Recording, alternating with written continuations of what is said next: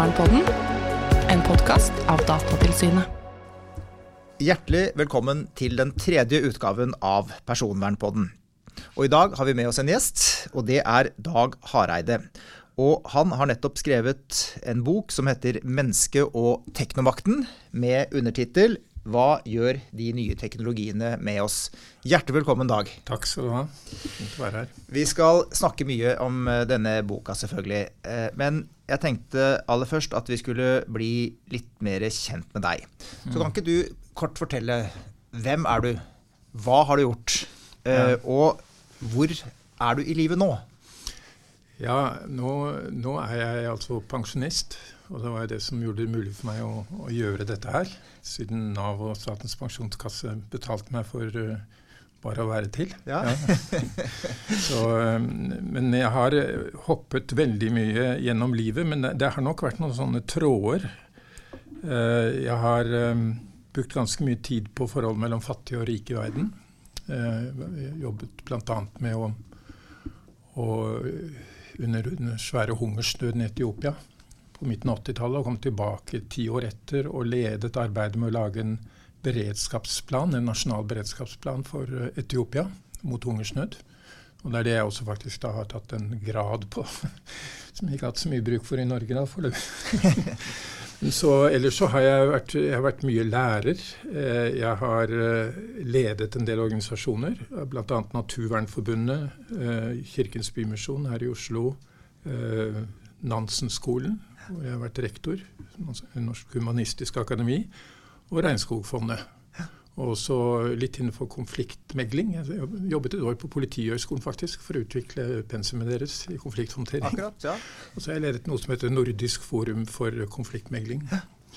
Så ja, det er mangfoldig på en måte. Ja. Eh, Men eh, hvis vi skal gå litt over på, eh, på boka, Dag. eh, Altså det ligger jo et veldig omfattende arbeid bak, selvfølgelig. Mm. Men kan ikke du fortelle litt om hvorfor du fattet interesse for dette temaet?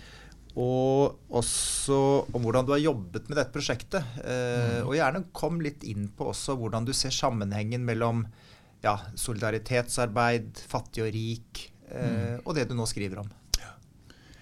Nei, det, har, det har vært i mitt bakhode ganske lenge, bl.a. når jeg skrev en bok som heter 'Hva er humanisme?' Og, og møtte noen som kalte seg transhumanister. Altså, de drømmer om å forene mennesket med teknologi, altså skape kyborger, menneskemaskiner, ikke sant, og, løse alle problemer. Ved lidelse og død og alt skal forsvinne. Eh, det synes jeg var, det var en ganske fruktbar provokasjon for meg. og... og så har det ligget der, men jeg har vært opptatt av andre ting. Og så fikk jeg som sagt da eh, penger fra Nav og Statens pensjonskasse, og da bestemte jeg at jeg skulle sette av fire år. Og så fikk jeg noen skikkelig feite stipend, så jeg kunne reise og delta på sånne ekspertkonferanser som kosta 15 000 for to døgn, liksom. Eh, hvor, hvor disse toppfolka var. For hele poenget mitt var at jeg ønsket å oppsøke teknomaktene. Altså Jeg så hva som skjedde. ikke sant? Eh, Den enorme farten i nye teknologiske gjennombrudd. Og det er særlig på to områder jeg tenker det kommer til å bety veldig mye for våre kropper, sinn og vårt samfunn. Og det er informasjonsteknologi, som jo er Datatilsynets eh, arbeidsområde, men også bioteknologi, som jeg tror kommer til å bli Datatilsynets arbeidsområde mer og mer. Altså ikke sant At du kan endre mennesker og dyr gjennom genredigering. Kunstig intelligens utkonkurrerer menneskeintelligens. ikke sant Eh, Datamaskiner kobles til hjernen og, og påvirker oss på den måten. Og vi har fått autonome roboter som kan kjøre sjøl, altså selvkjørende biler, eller drepe hvem de selv finner ut. Så det er, det er en situasjon som gjør meg nysgjerrig, og egentlig ganske urolig også. Kanskje først og fremst fordi vi ikke har en skikkelig offentlig, ordentlig samtale om det. Altså, jeg syns vi er mye bedre på en del andre kritiske områder enn dette. Vi lar liksom bare teknologien komme. Det er en slags sånn determinisme. Vi må bare ta imot den, liksom. Og så skjønner vi ikke helt hva som foregår. Så blir jeg litt sånn forbanna, da. Jeg har lyst på å forstå det. Jeg er amatør, og det var desperat ambisiøst å ta fatt på å skulle beskrive de teknologiene som har betydd mest i dette århundret. Men jeg tenkte jeg må også være lov til å kunne delta i en sånn eh, diskusjon som amatør, som ikke-teknolog. Fordi hvis vi ikke får til det, så taper vi. Ja, og Det syns jeg er befriende godt med denne boken også. fordi du, jo, du, skriver jo på en måte som gjør at folk kan forstå det. Uh, selv de som ikke er eksperter. Uh, og som du er inne på, så er vel kanskje denne debatten litt for overlatt eh, til eksperter. Eh, men du har jo snakket med veldig mange av de. Altså jeg, nå har ikke jeg talt opp hvor mange du har snakket med. Eh, det har du kanskje Nei, ikke selv, men du har jeg, hatt enormt mange intervjuer. Ja, jeg har snakket med over 200 hva jeg vil ja. kalle eksperter av forskjellige slag. Mest teknologer. Og jeg har lest over 200 bøker, teknobøker. Så, så, det er klart at Og det er vanskelig å sortere det, men, men det jeg etter hvert skjønte var viktig, eh, er å ikke ha en diskusjon som isoleres i en slags sånn etikkrom eller juridisk rom uten å snakke om hvem det er som styrer dette. Mm. Og Derfor heter boka mi 'Teknomaktene'. Mm. Mennesket og teknomaktene. Mm. Uh, så jeg oppsøkte da folka på østkysten og vestkysten i USA, uh, i Kina, Japan, Sør-Korea, Dubai, som er ledende i den arabiske verden, og, og uh, Singapore og flere land i Europa. Pluss at jeg også oppsøkte noen land i Afrika for å se den siden ved det, selv om de på ingen måte er ledende. Uh, og har prøvd å lage en bok ja, som du sier, som folk kan lese, og som er en slags introduksjon til dette. Ja. En start. Jeg har ikke så mange løsninger, men jeg, jeg prøver likevel å liksom forklare hva som skjer, og peke på ting. Og, og uh, snakke også om hvilke verdier som dette dreier seg om. Og jeg må jo si at uroen har økt i løpet av dette. Ikke, for, ikke pga. teknologiene. For jeg mener at smarttelefon, Internett, kunstig intelligens, genredigering eh, er gaver til menneskeheten hvis de blir brukt rett. Men når drives fram av teknomakter som har helt andre intensjoner, som er kyniske. Eh, det handler om å tjene penger. Det handler om å overvåke oss og tjene penger på å overvåke oss. Da har vi fått en utvikling som, som eh, mm. vi, må, vi må reise motstandsbevegelser mot.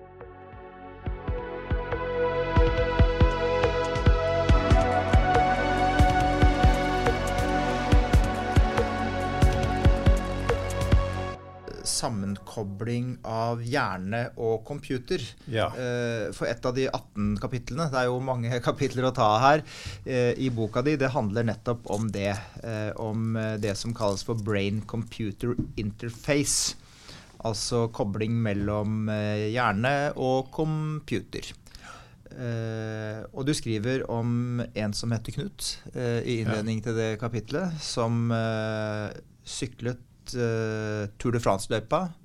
Ble påkjørt av en bil og ble lam fra livet og ned. Og han ønsker å gå igjen.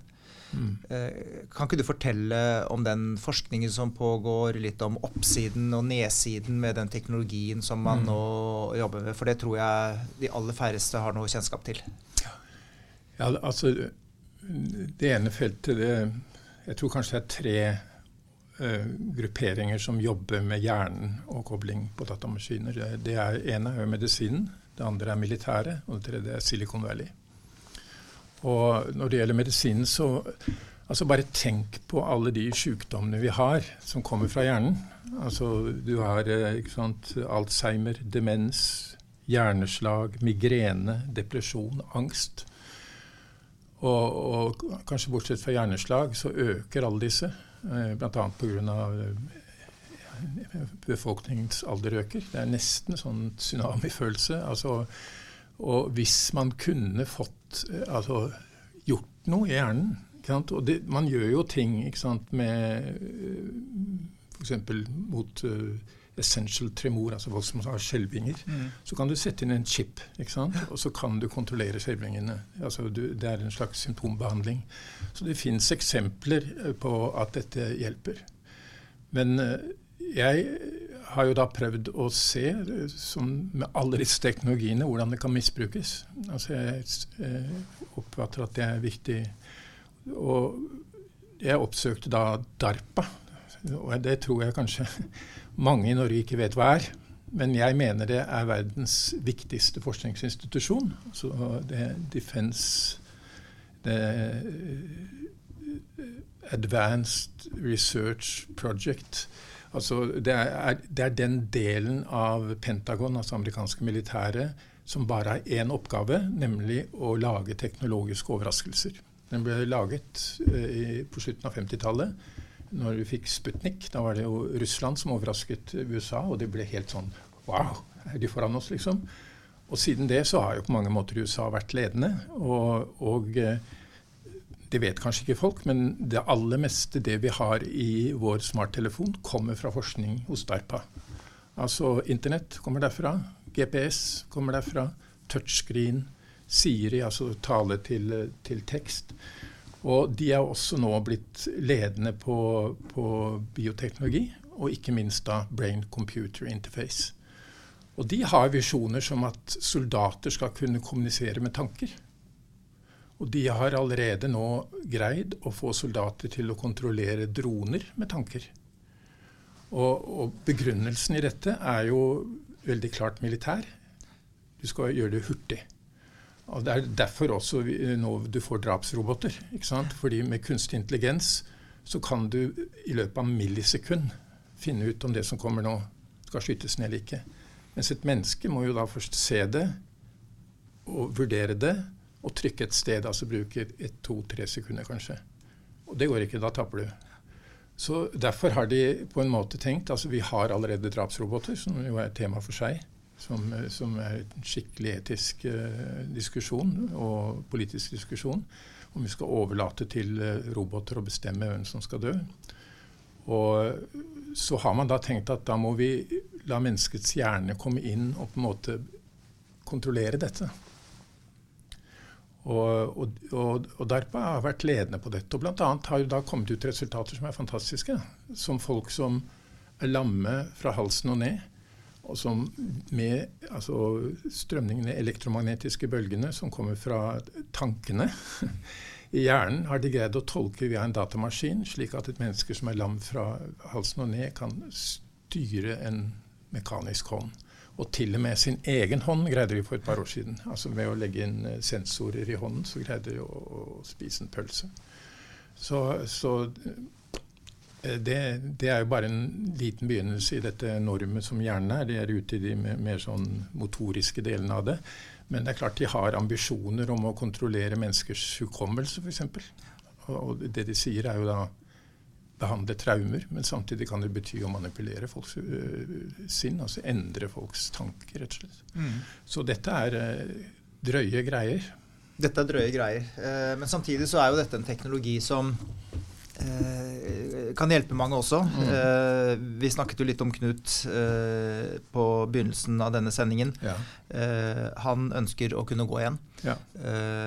og det er mange mennesker som sliter med store, som har store problemer. Eh, hvordan kan man liksom klare å balansere oppsiden og nedsiden med dette? Eh, kan man tenke seg at den teknologien som eh, utvikles av det militære, kan få en overføringsverdi til det sivile? For det er vel ofte det som er dilemmaet når man utvikler teknologi. Det er både gode sider og det er dårlige sider. Ja, Det er ganske komplisert, fordi man tror kanskje at, uh, at det militære gjør, er, er liksom dårlig, og det det sivile gjør, er bra. Men sånn er det jo ikke. ikke sant? Altså, de utviklet jo GPS for å kunne bombe presist, men jeg bruker det for å finne gode restauranter. ikke sant? Mm. Så, så, så det, er, det, er, en sånn dobbel bruk hele tiden. Ja. Og motsatt så lag, fikk vi jo altså Eh, stoffer sånn, eh, sånn DDT f.eks., som skulle fjerne malariamyggen, og så viste det at det drepte fugler. ikke sant? Mm. Altså det, det, det, handler om å, å, jobbe bevisst med konsekvensene rundt dette. Og det krever en årvåkenhet, og det krever en demokratisk diskusjon. Det er liksom det grunnleggende. Og det krever datatilsyn, som altså ikke bare forholder seg til det som er utenfor hjernen og det vi mm. uttaler, men som faktisk må begynne å jobbe med tankene også. Fordi det det handler om her nå, er, er å gå inn i tankene. Mm. Og det neste som skjer da, det er jo Silicon Valley. ikke sant? Eh, militæret har gått foran, men de kommer etter. Og bare to eksempler, altså Mark Zuckerberg og Facebook. Han har klart uttrykt at hans ønske er, eller hans visjon er at vi skal kunne snakke direkte på Facebook med tanker. Altså Det begynte med at du taster, ikke sant?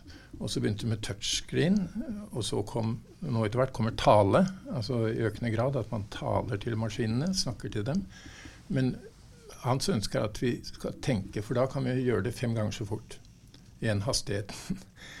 og det er jo et, fra min side en vanvittig tanke. At vi skal begynne å, å, å liksom tenke rett inn på Facebook, og så kommer tankene våre ut i skrift.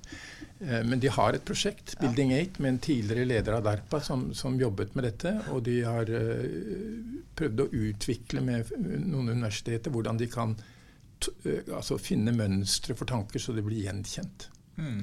Og så har du igjen uh, Elon Musk som holder på med det samme. Han er livredd for kunstig intelligens, superkunstig intelligens. Og da er hans svar at da må vi koble vår hjerne på den kunstige intelligensen. Og han forestiller seg at vi skal smelte sammen for å få kontroll. Som igjen er en vanvittig tanke. Og disse her superrike menneskene, som altså er verdens rikeste og kontrollerer mer penger enn noen har gjort i historien, de kjører sitt løp. Og vi må være i stand til å, å diskutere det, uh, vurdere det, stoppe det om nødvendig. Uh, rette det inn på, de, på, det som er nyttig, og ikke det som, uh, som er ja, Mm. Og en av, en av, temaene som også tas opp i det kapitlet, det er jo, det er jo rettighetssiden. Altså ja. man skal utvikle et sett av rettigheter for hjernen. Ja. For du har jo i dag menneskerettighetene som jo har en side til dette. Enkelte i den, i den, grad man liksom putter hjernene eller tankene våre inn i en computer, så vil jo også personvernregelverket faktisk kunne komme inn. Selv om det er jo en tanke som vi ikke engang har begynt å tenke på. Ja. Men kan ikke du også si litt om den rettighetstenkningen som pågår? For det er også folk som er opptatt av den siden av dette, og som prøver ja. å utvikle et slags regelverk for dette. Ja, og, og heldigvis det er eh, det er altså nevrologer, altså folk som, som, jobber i feltet her, som, som, sender opp et varselsignal. Og det samme gjelder jo i forhold til eh, til superkunstig intelligens og drapsroboter. altså Teknologene har faktisk gått foran og sagt dette her må vi følge med, dette er mm. farlig. Mm. Mens politikere i stor grad bare har mumlet. Uh, mye fordi de ikke vet hva som skjer. altså det, det, er vanskelig å følge med hva som skjer, rett og slett. Så, så det, du har jo skrevet noe på, på en blogg jeg har skrevet en blogg om dette. ja. ja. ja og Den, den syns jeg jo nettopp tar opp disse tingene. Og du påpeker jo at, er, at, det er jo en sammenheng mellom de rettighetene som dere jobber med nå i forhold til hvordan vi ytrer oss ikke sant, i, det rommet, med, med å, å, altså rettigheten med at man ikke uten videre kan ta ting og at andre kan eie våre tanker, f.eks. Mm. Eller selge dem til andre. ikke sant? Mm. Altså At det må være klare begrensninger, det. Og at den informasjonen de henter ut fra hjernen vår, at, at, den må man ha kontroll over. altså Du må, du må ha gitt et samtykke som er reelt. da, mm. De aller fleste samtykkene vi gir nå, er ikke reelle i det hele tatt. ikke sant? Så det, så, og, at du, ja, og at du skal kunne få slettet det. altså Jeg tenker at, at, at det, det, trengs kanskje noen hakka strengere regler som er normsettende. Mm. Altså som, som uh, på en måte som eh, altså, Sånn som f.eks. I, i genterapi, så har man sagt at vi, ja, på sikt kan det hende at vi går inn i arvestoffet for å, mm. for eksempel, å hjelpe folk som, som har uh, arvelige sykdommer som er forferdelige, som de overfører til barna sine. Men det gjør vi ikke før vi har undersøkt risikoen. Altså det, altså det, så jeg tror at det trengs et type moratorium her mm. i forhold til uh, retten til å beholde informasjon fra hjernen Mm. Og i hvert fall i forhold til å selge den eller gi den videre. Og, og, og at, at, man kan normsette det. Altså skarpere enn det man gjør i forhold til annen informasjon som vi faktisk har skrevet ned på Facebook eller andre mm. steder. ikke sant? Ja. Ja, for det som er noe av utfordringen, sånn som når jeg, når jeg, så på dette, og dette er jo bare skraping i overflaten som jeg holdt på med, eh, mm. det er jo at en del av de eh, rettighetene vi har, både i personvernforordningen og også i uh, menneskerettighetstenkningen, de passer nok sånn relativt godt mm. i dette. Men så er jo spørsmålet hvordan skal dette håndheves? Ja. Uh, for her er det en teknologi som raser av gårde uh, i en fart som, ja, som er helt enorm. Det er vanskelig å forstå hva som skjer. altså Det er teknologisk svært komplisert. Og jeg lurer på om vi trenger liksom andre reguleringsmekanismer som på ingen måte er tenkt ferdig. At vi må rett og slett tenke nytt om hvordan vi skal gå inn og uh, få den etiske og den juridiske diskusjonen smeltet mer sammen, f.eks. For, eksempel. for den, mm. den, nærmer seg hverandre, men den er jo allikevel på to helt ulike spor. Enkelte steder, f.eks. For i forsikringsbransjen, har man begynt å diskutere etikk og juss sammen. Men uh, jeg tror det trengs mye god tenkning eh, for å klare å, å, å, komme rundt dette problemet. For det er hele tiden det du snakker om. Hvordan skal vi få eh, Knut til å kunne bevege armene sine og kunne gå igjen? Mm. Eh, og hvordan skal vi forhindre at du lager en supermann som kan styre droner med tankene? Nei, altså jeg, jeg, tror jo på en måte at folk flest ser den forskjellen, og at det også vil vise seg sånn, sånn rent uh, teknologisk at du gjør veldig forskjellige ting mm. for å hjelpe Knut til å gå igjen. Uh, og det å samle informasjon hvor ikke lenger min tanke er fri, som jeg har vært med på å mm. synge en del ganger. Ja. så, så, så, jeg tror jo, altså hvis man først på en måte har et sånt grunnleggende enighet om, om verdien i dette, mm. som handler om menneskeverd og frihet og sånn, mm du har kanskje en del folk som er så opptatt av å bli supermennesker. ikke sant? Altså At de, de tenker at her kan jeg virkelig altså, Jeg kan bli en supermann. Men da skal de tenke en gang til at de som blir supermenn, det er soldater i en stormakt. Det er de som kommer til å lede an i dette. Og det er der eh, den såkalt oppgraderte menneskepresset kommer til å være. Og jeg snakket jo med hun som var leder i DARPA fram til eh, Trump overtok. Og hun unnslo ikke at jo, de tok nok sikte på å oppgradere soldater i USA. Så presset kommer til å være sterkt der, men det kommer også til å være sterkt kanskje til på arbeidsplasser om 20-30 år. hvis det, ikke sant? Altså At du, du, blir mye mer effektiv i arbeidet hvis du lar hjernen din bli oppgradert. Da, eh, når vi kommer dit, så tror jeg jeg skal gjøre som deg. Jeg skal skrive en bok om det og få betalt fra Statens pensjonskasse og Nav.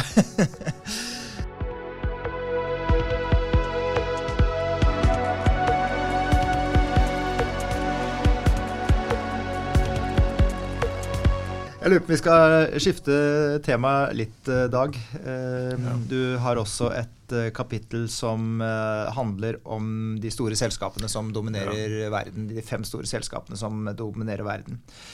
Og du kaller jo, som du også snakket litt om tidligere, boka for teknomaktene. Og dette er jo mm. noen av de virkelig store teknomaktene. Ja.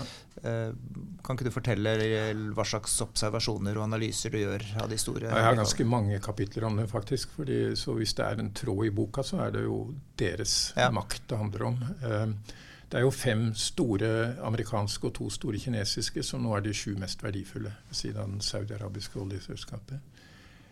Og, og de har, det har skjedd i løpet av ti år. Altså Fra oljer og banker så er det nå disse store digitale selskapene. Og de har bare et par illustrasjoner. De, i, forrige, I fjor så økte de fem amerikanske selskapene, altså Apple, Microsoft, Google, Facebook og hva har jeg glemt? Amazon, naturligvis. Amazon, selvfølgelig, ja. Um, sin markedsverdi med 2000 milliarder dollar det er mer enn samtlige aksjenoterte selskaper i de fem nordiske land. Og Apple f.eks. sitter på kontanter som er nesten like mye som statsbudsjettet i Danmark, Sverige og Finland til sammen. Og for det så driver de og kjøper opp selskaper. Og en ting de driver og kjøper opp nå, er bioteknologiselskaper.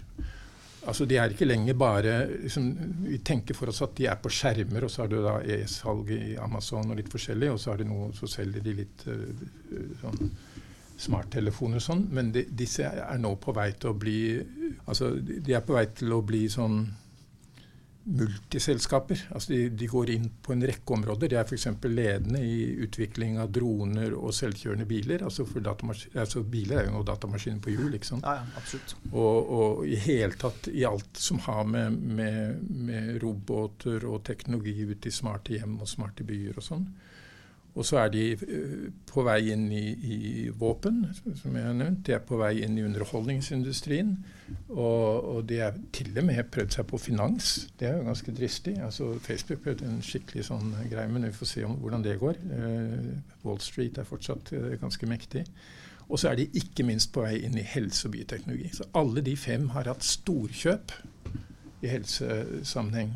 Og Apple-sjefen sier at uh, helse er uh, det viktigste nå i 2020-årene. Apple Watch det er jo blitt en ny form for overvåkning. Ikke sant? Altså ikke bare av hva vi gjør på en skjerm, men hva kroppen må gjøre. Altså skritt vi gjør, uh, hjerterytme, søvnrytme, alt sånt kan du etter hvert da måle med, med Apple Watch. Og, og, Google har kjøpt seg inn i konkurrenten eh, Hva er det den heter ennå? Eh, den, eh, ja, den fremste konkurrenten.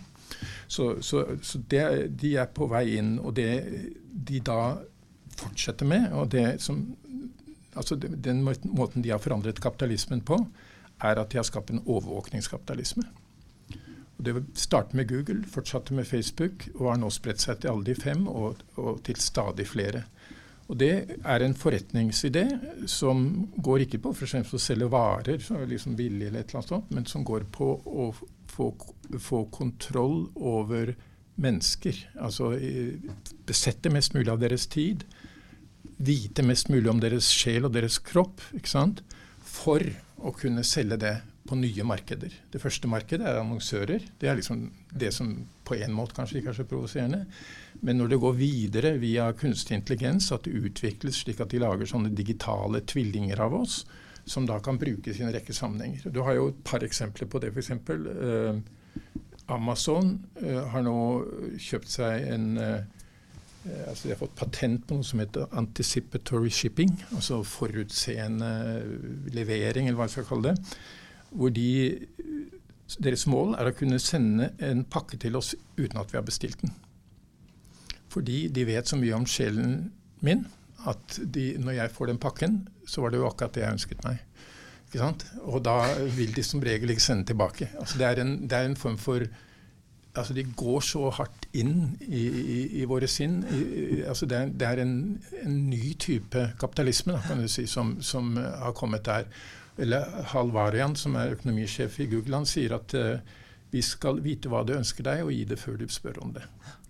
For meg høres altså Det er faktisk uh, nesten et referat fra et bibelord. Altså de, de, tar liksom Guds rolle, på en måte. Ja. Altså. I, og, og, og han, ja, Google har jo egentlig fra begynnelsen av hatt et mål at de skal lage en kunstig intelligens som, som jo da på en måte skal kontrollere all kunnskap i verden og kunne gi den videre til alle. Altså det, det er, de har vanvittige ambisjoner. Og mye av det er idealisme, eller høres ut som idealisme. Men altså, jeg har vært en del i idealismebransjen. og jeg er meget skeptisk over folk som altså bruker sånne idealistiske ting til å råtjene penger. For det gjør de? Det gjør de. Mer enn altså det, Historisk. Det har ikke vært en sånn konsentrasjon. Eh, ja, ja, kanskje akkurat når, når olje- og jernbanekapitalen oppsto, men da gikk jo amerikanerne inn og brøt dem ned. Mm. Men det har ikke skjedd nå. Og det er det spesielle grunner til. da. Og det henger jo nettopp sammen med at det er en annen type økonomi. altså Hvor data på en måte er valutaen. ikke sant? Ja. Og, og, og, politikere og sosialøkonomer for den saks skyld har ikke skjønt hvordan de skal forholde seg til det. Altså Man har jo f.eks. tenkt at man skal knekke eh, monopoler når de får opp kunstige priser. ikke sant? Altså sånn, så Nå skal de ta forlagene her i, mm. i Norge for de har jo kunstig høye priser. Eh, men når man da altså kan søke gratis på Google og delta gratis på Facebook, mens det i realiteten er vi som gjør jobben for Facebook. Jeg har regnet ut at uh, i verden så gjøres det 860 millioner årsverk hvor folk skriver for Facebook og skaper de verdiene. Altså skaper de dataene som de kan bruke. Fordi hele poenget med kunstig intelligens er å ha mye data. Og har du mye data, så kan du altså løse veldig mange typer problemer. Ikke minst innenfor uh, mange former av, av helse og, og, bioteknologi, som jo er positivt for mennesket.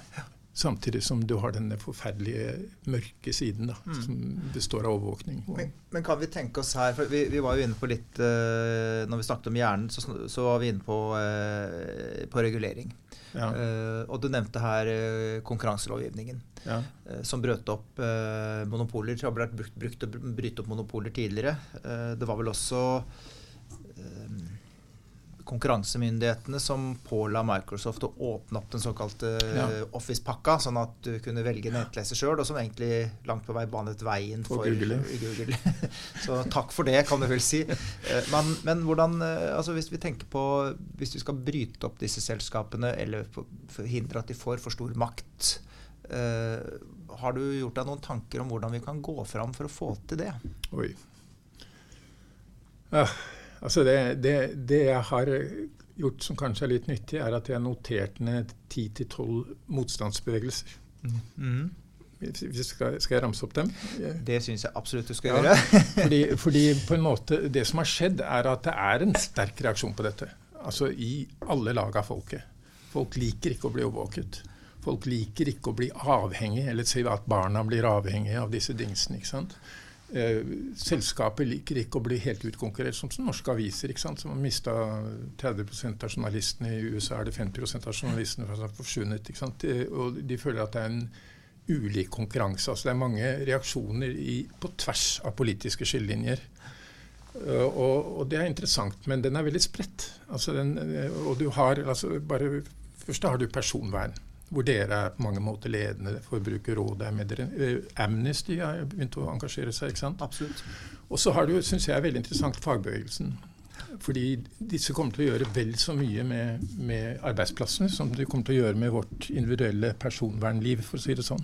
Og, og det er i, på litt forskjellig måte, men du har alle disse nye eh, eh, altså plattformarbeiderne som ikke behandles som arbeidere til tross for at de kontrolleres. Altså à la Obers taxisjåfører, eller disse såkalte spøkelsesarbeiderne som sitter i hundretusenvis rundt i verden og, og sjekker forskjellige plattformer. For vi tror jo at det er maskiner som gjør det, men det er det ikke. Det er mennesker som hele tiden må inn og regulere. Det er liksom den ene gruppen. Den andre gruppen er jo de som, hvor det foregår ran av åndsverk. altså Mer sånn selvstendige, altså journalister, musikere og sånn, som jo har tapt mange kamper allerede, men som kanskje holder på å mobilisere tilbake. Så det er en, to nye grupper. Og så har du alle de som er opptatt av hva som skjer på nettet. Hatspråk, eh, falske nyheter. Der mobiliseres det mange steder? Og, og, og nasjoner lager lover mot det. Og så har du folk som er opptatt av at disse store multinasjonale selskapene stjeler fra min nasjon. Altså de, de setter opp en altså Du har jo f.eks. Hva var det? Uh, ja, Folkehelseinstituttet tok initiativ, som, og de fikk med seg forsknings... Uh, ja, Norsk forskningsråd. Uh, Skipsted, av alle ting.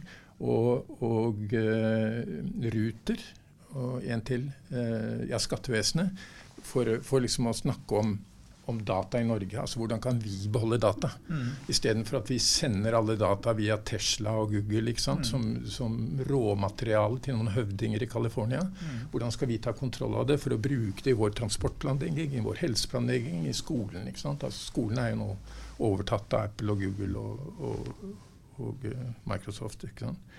Så det er en motstandsbevegelse. Det kommer etter hvert mer i miljøbevegelsen. Altså fordi man begynner å oppdage at, at det er alvorlige skyggesider eh, her også. Gruvedrift, enorm forsøpling. bl.a. Det er nesten ingen av disse smarttelefonene som gjenbrukes. altså De kastes jo bare. Og nå har jeg sikkert glemt noe, men, men, men jeg talte opp 10-12 sånne forskjellige Og så har du naturligvis motstand mot de nye masseødeleggelsesvåpnene. Altså drapsroboter, syntetisk-biologiske våpen og cybervåpen. Og ja. Og så, så, har du folk som, som, rett og slett ikke ønsker å bli avhengig og, og liksom begynner å boikotte. Mm. Altså, til og med annonsører har begynt å boikotte Facebook fordi de opptrer helt uanstendig i politiske valg og, og sånn. Så, så, du har en sånn reaksjon på vegne av demokratiet, da, fordi, fordi, det har vært tydelig at, at de sosiale mediene har vært manipulerende i forhold til hva som skjer i valg. Og Der blir det jo spennende å se hva som skjer nå. Nå er det jo valg i USA om ja, tre ukers tid, fire ukers tid eller sånt. Så, og det jeg tenker er at alle disse bevegelsene jobber nå parallelt på en måte. Eh, men, og kanskje det viktigste har jeg ikke nevnt, nemlig de som ønsker å bryte opp, som du sier. Altså, mm. De gjorde det med IBM, de gjorde det med Microsoft dels, og de bør gjøre det med Google og Apple og Amazon. Og det har begynt en prosess, men det må jo skje i hjemlandet. da. Altså det. Jeg vet ikke hvordan Men det kan godt, det har du kanskje mer tanker om, om hvordan det kan uh, støttes opp fra vår side. Jeg tror jo det som skjer i EU, altså hvor, hvor man i det minste prøver å sette grenser for, for konkurransevridning, og gir noen bøter, selv om de kommer fem år etterpå, eller noe sånt noe, eh, så, og kanskje ikke veier så mye, så er det en eller annen sånn trendsetting i det. Så jeg, jeg tror jo at, at, det skjer vesentlige ting i EU, både på personvern og konkurranse. Det, det, vil nok gjøre. Det som gjør at jeg er litt mer urolig for det som skjer i USA, er at det nok kan komme inn en kamp mellom Kina og USA i dette. Ja. Fordi eh, hvis man bryter opp de eh, amerikanske selskapene, så kan de største konkurrentene få vind i seilene, og de kommer fra Kina. Mm. sånn at det pågår en kamp mellom Kina og USA her også. Jeg tror det er jo bare en spekulasjon fra min side, eller ja, litt mer enn en spekulasjon, da det er at det hadde vært lettere å bryte opp de amerikanske selskapene hvis ikke hovedkonkurrenten til de amerikanske selskapene var kinesiske. Mm. Det er i hvert fall det, det de sjøl bruker som argument helt umiddelbart ja. når, de, når, de, blir presentert for den løsningen om å bryte opp. Jeg er ikke så sikker på at det er så avgjørende egentlig i realiteten. Men uh, Kina er jo en egen greie, da. Mm. Altså Med Tencent og Alibaba, som er de to største, og Baidu og en rekke andre. Er jo, det er jo stort sett software-selskapene som liksom skummer uh, inntektene her, og som er dominerende. Du har jo hardware, sånn som Huawei og, og uh, mange andre som, som, som, jobber også. Men, og Kina er jo oh, Jeg var jo der òg. men der er det jo en tett integrasjon med kommunistpartiet. men det er jo overraskende hvordan hele logikken i overvåkningskapitalismen også utvikles der, da, på mm. samme måte. Men kan vi se for oss uh, at uh, Nå vet vi jo at de kinesiske selskapene allerede til de grader er inne i Norge. Uh, ja. Jeg tror vel alle som har hatt tenåringsbarn, har jo sett små, rare pakker som koster absolutt ingenting, komme med, med kinesisk skrift for hjemme i postkassa. så det er jo mange som handler fra Kina. Eh, jeg hadde en liten observasjon når jeg hadde vært en tur oppe på eh, eh, mm. i sommer og kjørte hjem og skulle kjøpe en hamburger. og Da kunne du betale med VIPS eller Alipay. Ja. Uh, og det sto på kinesisk i hamburgerbaren. uh, men kan vi tenke oss en utvikling hvor de uh, sosiale nettsamfunnene, altså de kinesiske nettsamfunnene, de kinesiske søkemotorene, vi fikk jo en liten prøvesmak kanskje når diskusjonen med TikTok, som jo er et selskap mm. som absolutt er inne i Europa og i Norge mm. Kan vi se for oss at de kinesiske selskapene også kommer mer inn på det europeiske markedet? Ja, dette er jo spennende. Altså og, og, ganske sånn ambivalent. Altså, altså, Google og Facebook uh, er jo ute i det kinesiske markedet. De er jo sensurert vekk. Og Trump prøver å gjøre det samme med Huawei og, og WeChat, som jo er Tencent sitt, og TikTok. Og, og, India gjorde det jo bare sånn. India er jo et meget vesentlig marked. Uh, og så presser USA bl.a. England da, til å ikke å bruke Huawei på 5G-nettet osv. Så, videre. så dette er jo at du kanskje kan se for deg at du får en todeling. da. Mm. Men, men, disse tingene er jo så enormt integrert, altså både på råvaresiden, ikke sant? Altså, hvor altså, veldig mye av de, de der sjeldne metallene, f.eks., de henter du fra, fra, Kina. ikke sant? Så det er Vesten avhengig av dem. På den annen side, hvis du kommer til disse små bitene som produseres inn i, så er det vestlige eh, overlegne, og Kina helt avhengig av det. ikke sant? Så, så, det, så, det, er jo hvordan Altså om det er ønskelig, og om det er mulig at det, at det splittes opp i to. Det er jeg ikke god nok eh, analytiker til å si noe om, men, men, det er jo en klar tendens nå til at du kan risikere å få en todeling av, av den digitale verden. Du har jo allerede egne GPS-er og sånne ting. Eh, mm. Russland har sitt, Kina har sitt. Eh, og Vest-Europa har sitt. Og, så, så, det er, så, det er, så, det er, mulig at, at det kan utvikle seg. Eh, og, og, hvilken rolle da Europa og eventuelt Norden tar i det, det, det er jo mm. spennende. For jeg tror, tror, jo at denne nasjonalismen er jo generelt voksende politisk sett i, i verden. Ja. Og her sitter vi uh, i Datatilsynets kontor, nesten tomt med folk her, fordi vi er midt i en uh, pandemi. Ja. Uh, og det gjør vel heller ikke dette bildet noe enklere.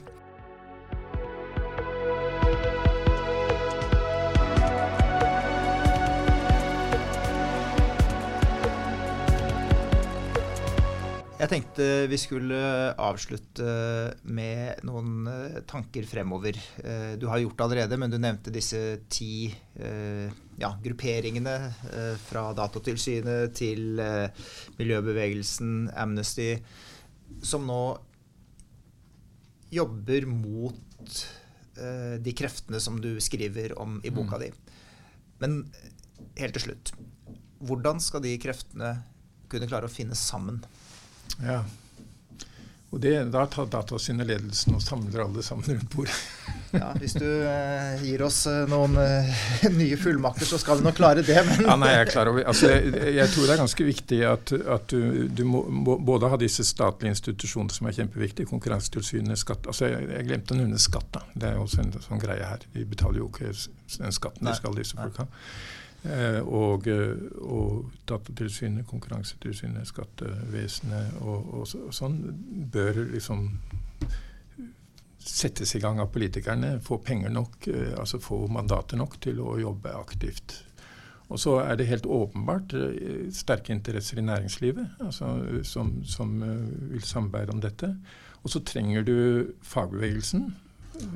Mye av dette sånn, handler jo om å kanskje ikke virkelig liksom å bryte opp makten, men det handler om å, å hindre skade. Ikke sant? Eh, mm. Altså, når vi nå får frislipp på, på, på Uber og taxinæringen f.eks., hvor mye kommer det egentlig til å skade arbeidslivet? Ikke sant? Det, er, det er sånne spørsmål man må, må se på. Og, og, så trenger du frivillige organisasjoner. Det, det er ganske svakt. Det er ingen som går ut og demonstrerer mot cyberkrig og cyberkriminalitet av en eller annen grunn. Det, din, det, det, kan være din oppgave. ja, nei, jeg, jeg, tror vi, vi trenger, trenger, det. Og jeg tror uh, at det også er den beste måten å unngå den frustrasjonen som mange har nå, i forhold til å føle at du er liksom et du er en bruker som folk utnytter. Som, som uh, får deg til å gjøre ting du kanskje egentlig ikke ønsker. Mm. og, og, og, som altså vet altfor mye om deg. Og, og, som truer både personvernet og ytringsfriheten, egentlig. Ja, og, som egentlig truer demokratiet, mener jeg. Ja. ja, og Det som er dilemmaet i dette, er jo at uh, disse selskapene de tilbyr veldig gode tjenester. Uh, ja. Og det er vel kanskje der noe av, hvert fall sånn fra et forbruker- og personvernståsted, noe av hovedutfordringen ligger. Ja. Uh, og du nevnte selv at du bruker selvfølgelig GPS til å finne de beste restaurantene. Det ja, gjør jeg også, og jeg har en treningsklokke på meg og litt av hvert. Uh, men de tilbyr jo gode tjenester. Ja, det det uh, og det er klart, da er det vanskelig å vekke den store opinionen, tror jeg, så lenge de, de, gjør det. Med mindre vi går inn og regulerer det på et vis. Ja, men altså det, For meg er det en motivasjon. Altså Jeg hadde ikke brydd meg om dette hvis ikke dette var viktig. Altså Hvis ikke smarttelefonen var viktig mm. for meg. Altså Det er som en god venn, kan du si. Mm. Og hvis den, ikke, hvis den, bare hadde vært en som jeg kjente, mm. som jeg ikke brød meg om, så hadde jeg ikke gidde å kritisere han, men fordi det er en god venn og en som jeg henger ut med hver dag, så er jeg veldig opptatt av at han skal være skikkelig. Ikke sant? Og det tenker jeg er en motivasjon, da. Altså fordi dette er så viktig i skolen, da, mer eller mindre, mener folk, så må vi også sørge for at det gjøres på en skikkelig måte. ikke sant? Altså Jeg tror det er en motivasjon, ja. at, at disse genredigering eh, eh, Også det å, å, å, gjøre ting i hjernen smarttelefon, kunstig intelligens. Fordi det er gaver til menneskeheten hvis det brukes riktig, så må vi få liksom gjøre noe med det. Fordi, og de som startet Internett, de mener jo at den har utviklet seg perverst. Mm.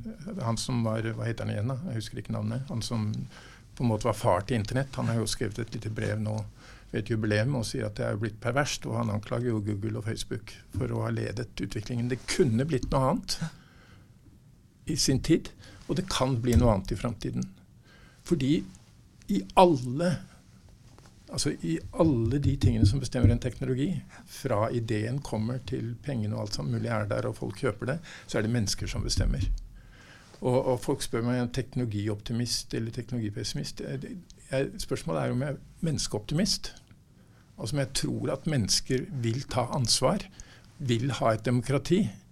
Hvis du er det, så er jeg teknologioptimist. For da kan menneskene ha kontroll over teknologien. Dag, det var veldig hyggelig å ha deg som uh, gjest i uh, Personvernpodden. Uh, jeg skal på ingen måte forsøke å oppsummere denne samtalen, for du har gitt oss mye å tenke på. Mm. det hadde vært fint om vi kunne hatt en oppfølgingssamtale om et års tid og sett hvordan du så på verden ja. da. For jeg vet at du er ute og snakker om boka di, og du jobber også videre med noen delprosjekter. Ja. Blant annet er du opptatt av personvern i skolen, mm. vet jeg. Eh, tusen takk for at du kom. Mm. denne sendingen er nå slutt. Mm. det er altså den tredje utgaven av Personvernpodden du har hørt på. Og vi er snart tilbake med en fjerde utgave av den samme podkasten. Takk. takk for i dag.